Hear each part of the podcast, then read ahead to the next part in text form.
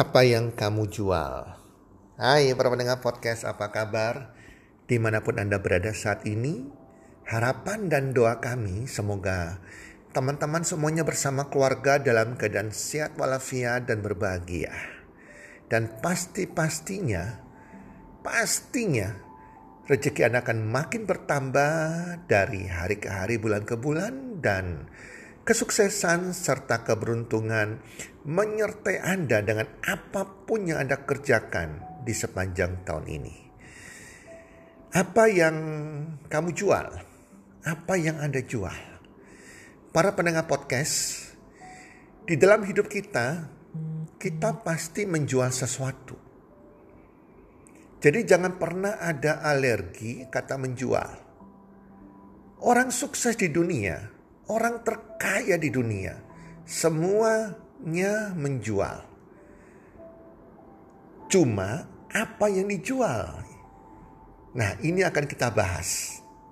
Karena kalau kita tidak menyadari apa yang kita jual, hidup kita tidak akan ke mana-mana. Atau kita alergi menjual, wow itu tambah lagi.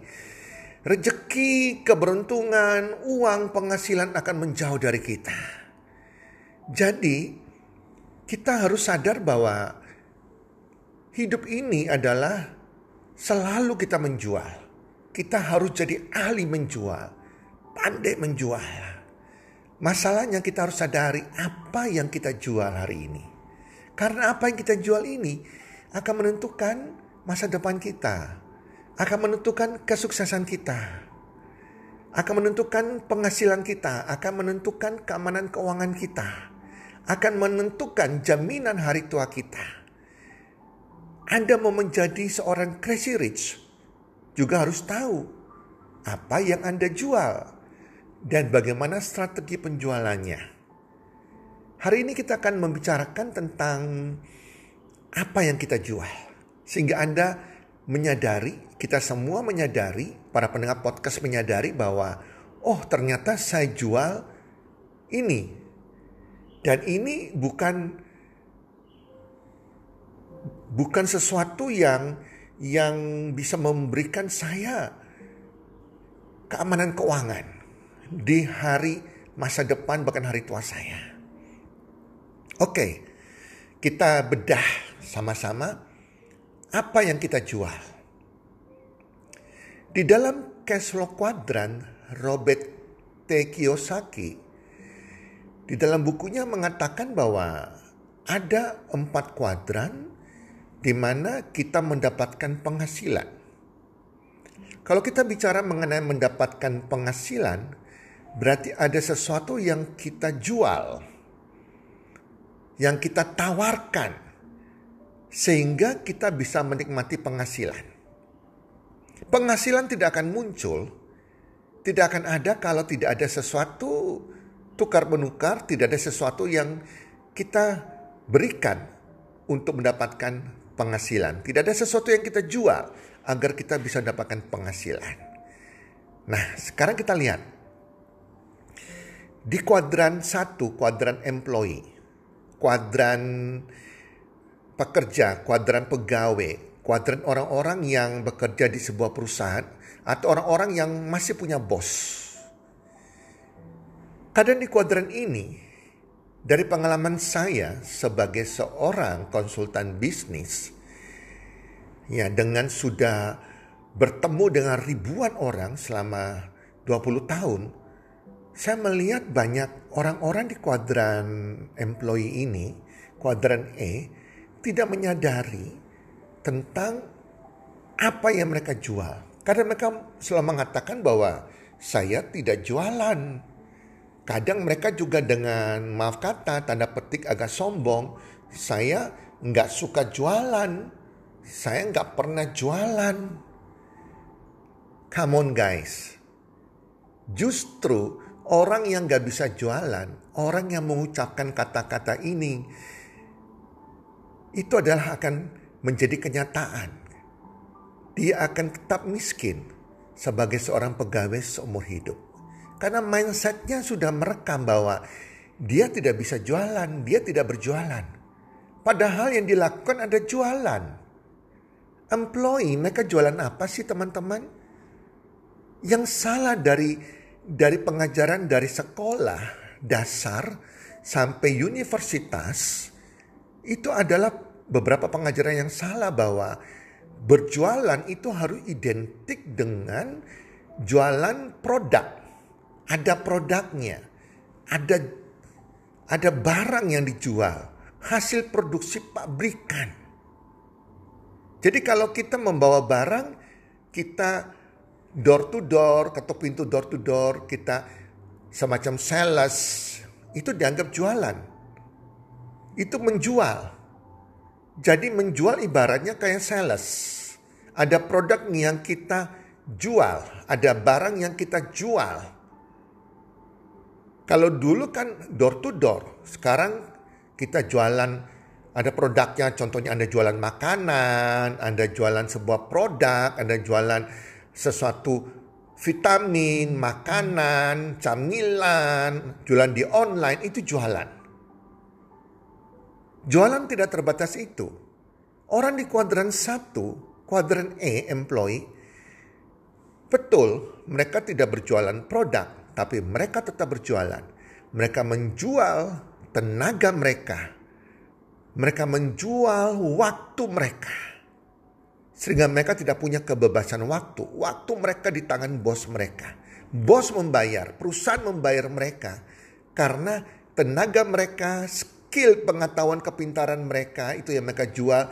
Dan waktu mereka ditukar dengan uang.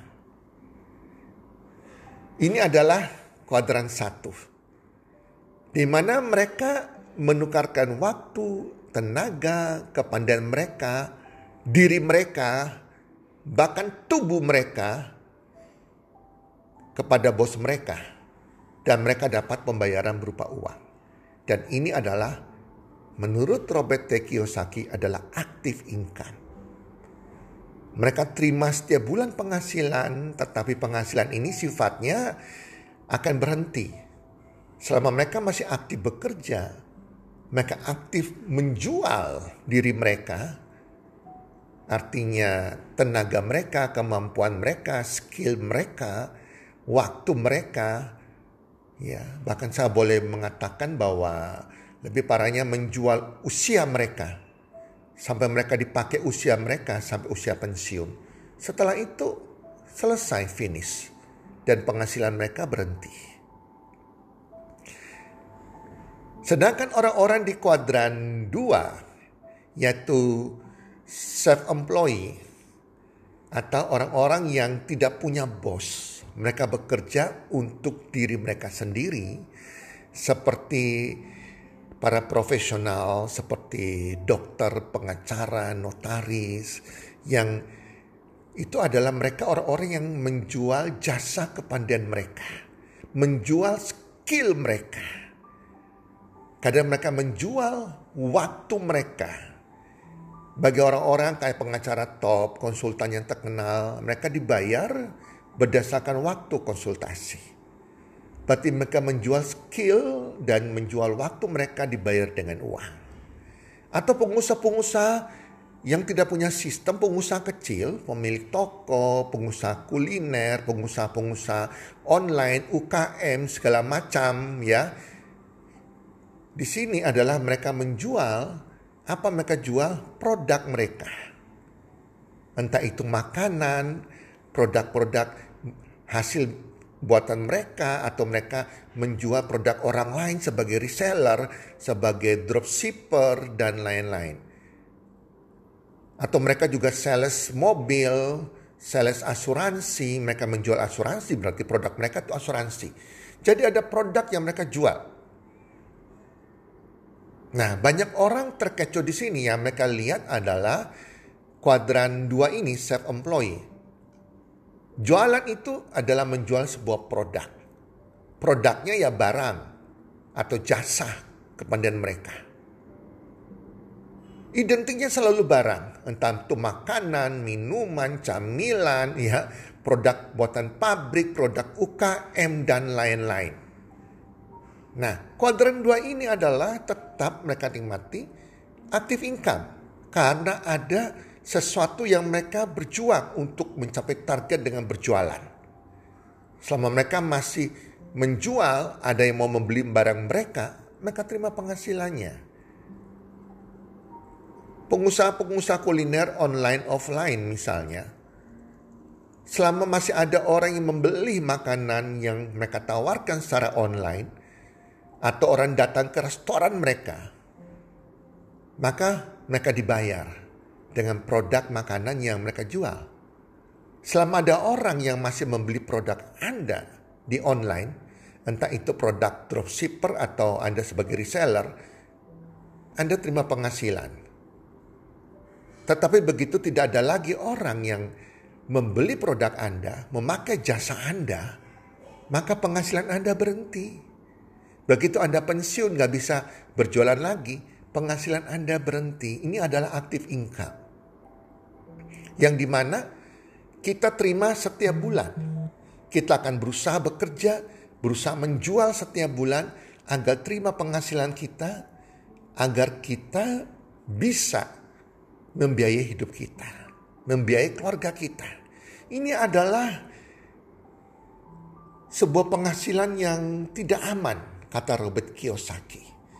Jadi hari ini apa pun yang Anda jualan, di kuadran 1-2, Anda adalah menikmati penghasilan yang tidak aman karena akan berhenti suatu saat.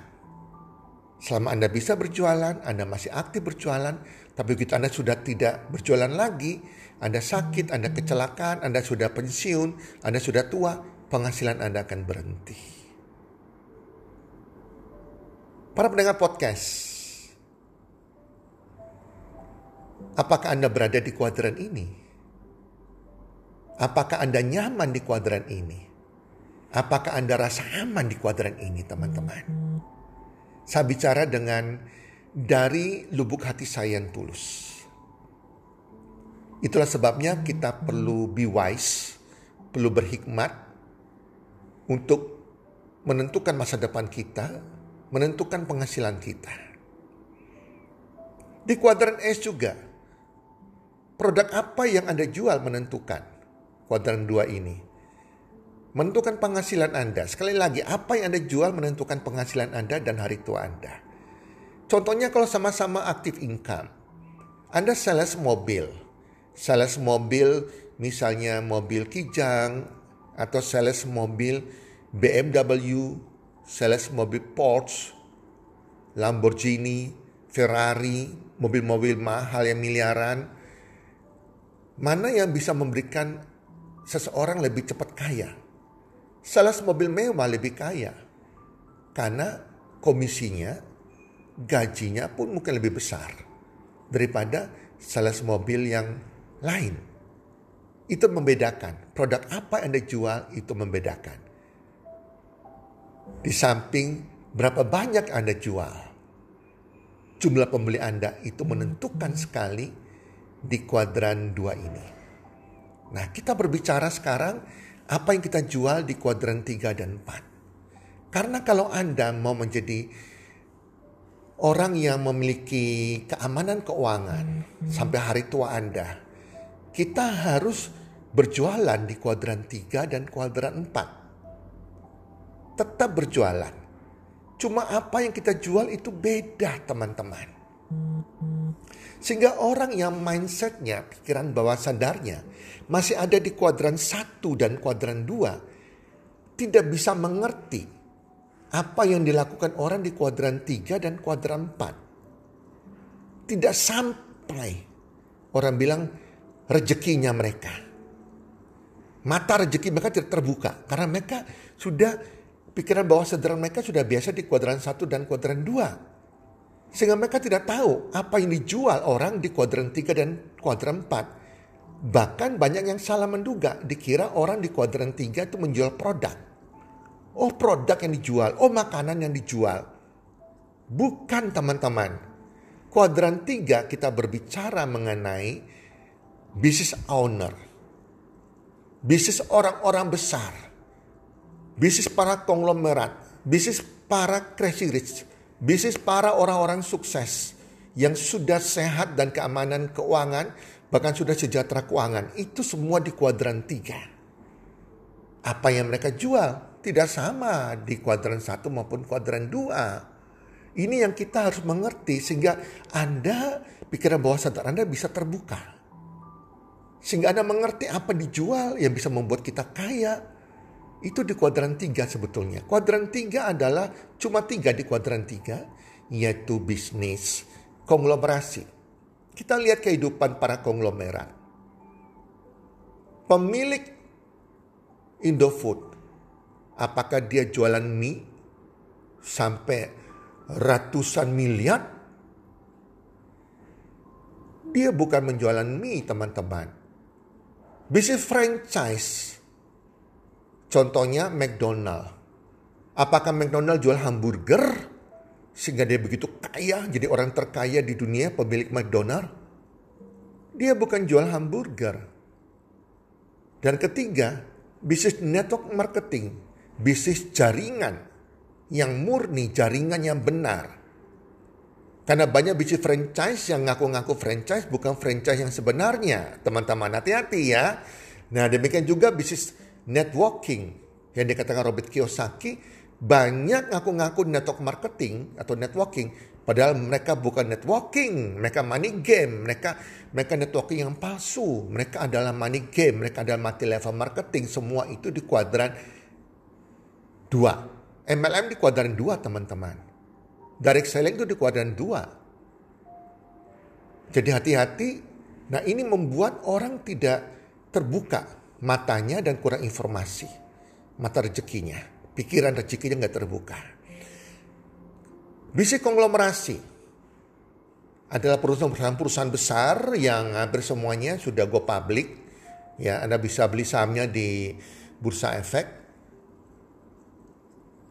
Para konglomerat hari ini, apa sih mereka jual? Mereka hidupnya santai. Mereka pensiun, nikmati hidup Bahkan harta mereka tujuh turunan gak habis-habis. Awalnya mereka membangun betul. Dari minus mungkin sehingga ada hari ini.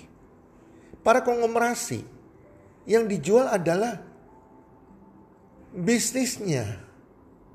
Sehingga ada istilah B2B, business to business. Jadi bisnis mereka sudah besar, mereka mencari partner bisnis mereka tidak menjual eceran lagi.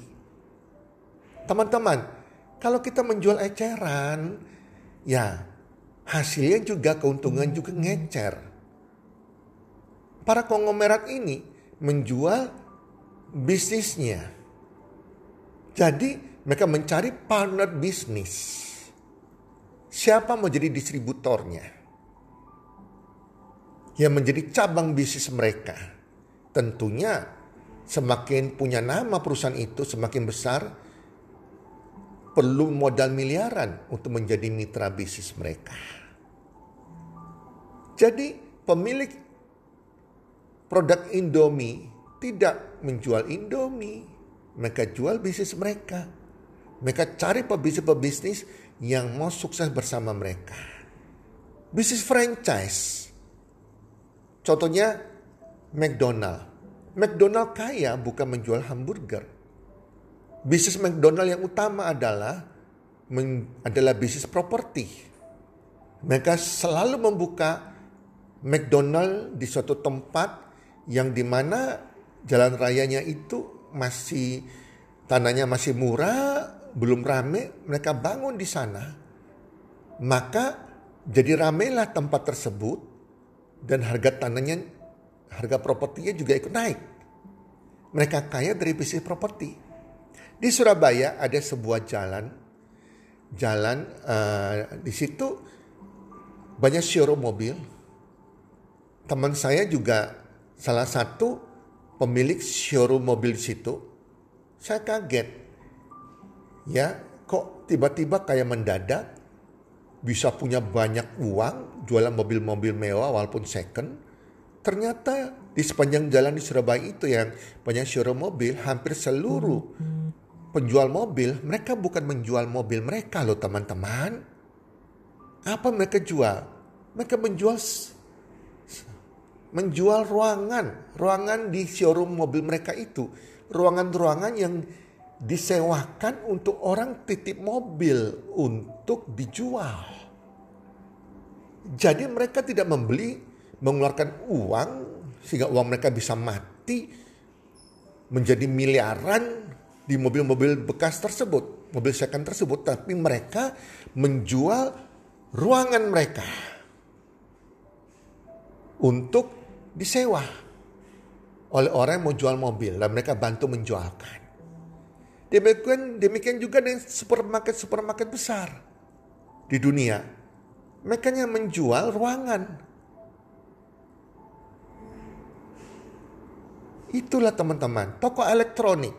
Pemilik toko elektronik yang besar, dia tidak menjual elektronik. Mereka menjual ruangan mereka yang disewa oleh merek-merek elektronik. Menyewa ruangan mereka pemilik merek elektronik tersebut bahkan kasih pegawai di situ. Jadi yang dijual tuh beda. Mereka tidak menjual barang secara ecer atau tertentu. Dalam bisnis network marketing. Saya punya teman sukses. Yang sukses banget di bisnis network marketing saya selalu panggil dia dengan sebutan Hong. Saudara Hong. Dia bisa memiliki aset dalam waktu singkat, menjadi miliarder, asetnya banyak. Semua hanya dari bisnis network marketing, dari pengusaha konvensional yang bangkrut 10 kali.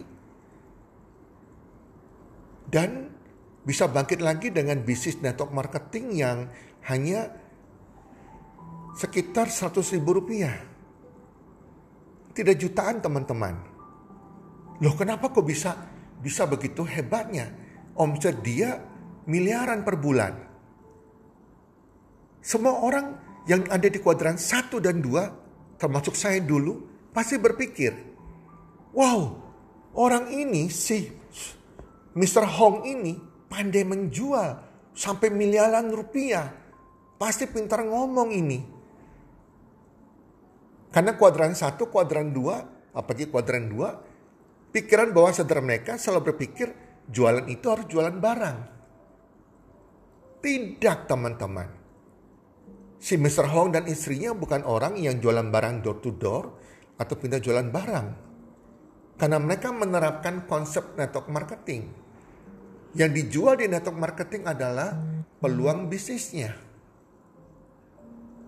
mereka hanya menceritakan peluang bisnis. Kayak konglomerasi. Menawa, mencari partner bisnis. Tapi bedanya ke konglomerasi kan menjual bisnis B2B. Tetapi miliaran. Kalau mau jadi rekannya. Tetapi network marketing. Praise the Lord teman-teman ya. Alhamdulillah puji Tuhan Peluang bisnis kita tawarkan itu hanya 100 ribu dan tidak ada risiko sama sekali. Bukan produk yang kita jual. Sehingga banyak orang yang yang ditawarkan peluang bisnis, pikiran mereka negatif, masih di kuadran 2, pikiran mereka masih di kuadran 1 dipikir, nanti disuruh jualan. Banyak sekali yang berpikir demikian termasuk saya dulu. Oh nanti saya disuruh jualan, saya nggak bisa jualan, bla bla bla bla bla. Kita nggak berjualan produk, kita gak berjualan produk, tetapi kita menjual sebuah peluang. Produknya ada, pabriknya ada, tetapi kita hanya pakai produknya. Kita hanya pakai produknya. Jelas teman-teman, jadi beda sekali. Kita hanya pakai produknya. Bukan pandai menjual. Jadi network marketing semua orang hanya pakai produknya, pakai produk kita butuhkan dan produknya berkualitas. Ada jaminan uang kembali. Why not? Dan kita tawarkan cari mitra bisnis karena kayak para konglomerasi. Jadi bukan produknya, bukan barang dan jasa yang yang kita sering lihat yang dilakukan kuadran dua itu tidak bisa membuat kita menjadi kaya teman-teman ya. Nah, karena kalau kita mau menjadi kaya, konsepnya adalah jaringan membangun jaringan, tapi jaringan yang benar. Bukan jaringan bodong kayak money game ataupun multi level marketing yang terputus jaringan di level tertentu. Konglomerasi adalah bisnis jaringan. Franchise adalah bisnis jaringan. Network marketing adalah bisnis jaringan. Bedanya network marketing ini adalah bisnis untuk rakyat. Siapa pun bisa mengerjakannya. Sedangkan di kuadran 4. Kuadran 4 adalah kuadran investor. Investasi. Nah, di sini contohnya saham, emas, ya, terus uh, cryptocurrency seperti Bitcoin, Ethereum, obligasi, uh, produk obligasi dan lain-lain, ya. Nah, atau juga uh, properti yang kita sewakan, kita terima yang namanya penghasilan. Kuadran 4 adalah konsepnya beda. Jadi semua orang di kuadran 1, kuadran 2, kuadran 3 semua kepingin punya kuadran 4. Ini istilahnya peternakan uang, perkebunan uang. Di mana kita menginvestasikan uang kita yang kita terima dari penghasilan kita terima dari kuadran 1, kuadran 2, ataupun kuadran 3, kita tanam kita punya peternakan uang, entah tanam di logam mulia, tanam di uh, cryptocurrency seperti Bitcoin atau Ethereum, atau kita tanam juga di obligasi, di saham, di reksadana, atau kita tanam di properti terserah Anda. Yang di mana uang kita bekerja untuk kita lagi, beranak uang lagi. Yang akan kita panen pada waktunya nantinya. Nah, kuadran 4 ini adalah kita membeli sesuatu yang nantinya kita akan jual. Kalau Anda investor saham, Anda akan beli yang namanya saham sehingga waktu tertentu sudah menguntungkan Anda panen, dikatakan panen Anda menjual saham tersebut. Anda menikmati uang. Demikian juga dengan logam mulia maupun dengan yang namanya uh, Bitcoin ya dan lain-lain. Jadi kita beli, kita tanam dan kita panen. Tetap menjual. Menjual saham, menjual logam mulia, menjual bitcoin, menjual obligasi, menjual reksadana, menjual properti Anda kalau Anda main sebagai properti, investasi di properti. Nah, itulah kuadran 4 yang dikatakan portfolio income. Bedanya kalau kuadran 3 ini adalah kuadran pasif income.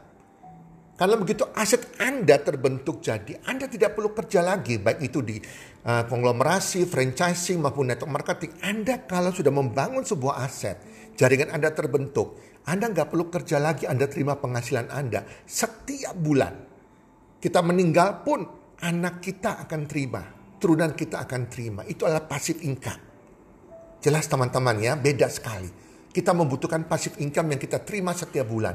Karena suatu saat kita akan tua, gak bisa bekerja lagi dan kita akan meninggal, keturunan kita akan menikmatinya. Mereka gak usah eh, susah payah seperti kita bekerjanya. Tapi tidak banyak orang terbuka di kuadran tiga. Karena pikiran mereka, mindset mereka, mereka berada di posisi kuadran satu, kuadran dua, sekian puluh tahun seumur hidup mereka. Mereka tidak bisa melihat. Bersyukurlah bagi Anda yang pikiran bawah sadar Anda bisa melihat adanya pasif income kuadran 3. Karena untuk bicara mengenai pasif income saja banyak orang gak jelas kok. Gak ngerti pasif income itu apa.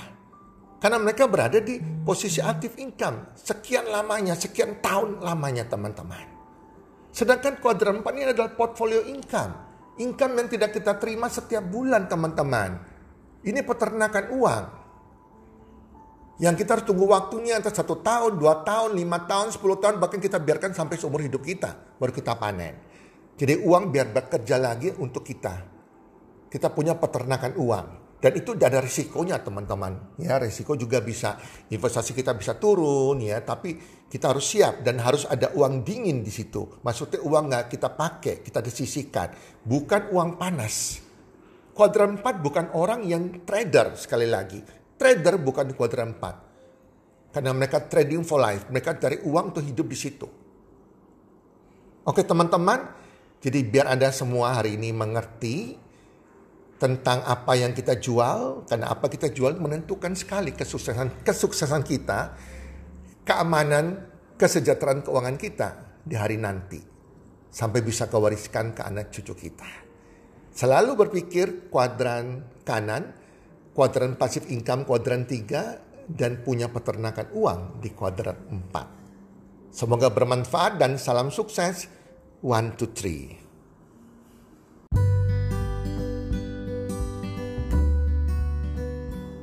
Terima kasih sudah mendengarkan podcast kami. Teman, jika Anda rasa bermanfaat podcast kami ini, Anda bisa menginfokan kepada rekan kerja Anda, keluarga Anda, teman ataupun sahabat Anda. Dan jika ada hal-hal yang Anda ingin tanyakan kepada kami ataupun topik-topik apa yang Anda ingin kami bawakan, kami sampaikan, Anda bisa DM kami di Instagram kami Health Community www.salambantu3.id. Salam Bantu Tri, salam sehat, sejahtera dan bahagia.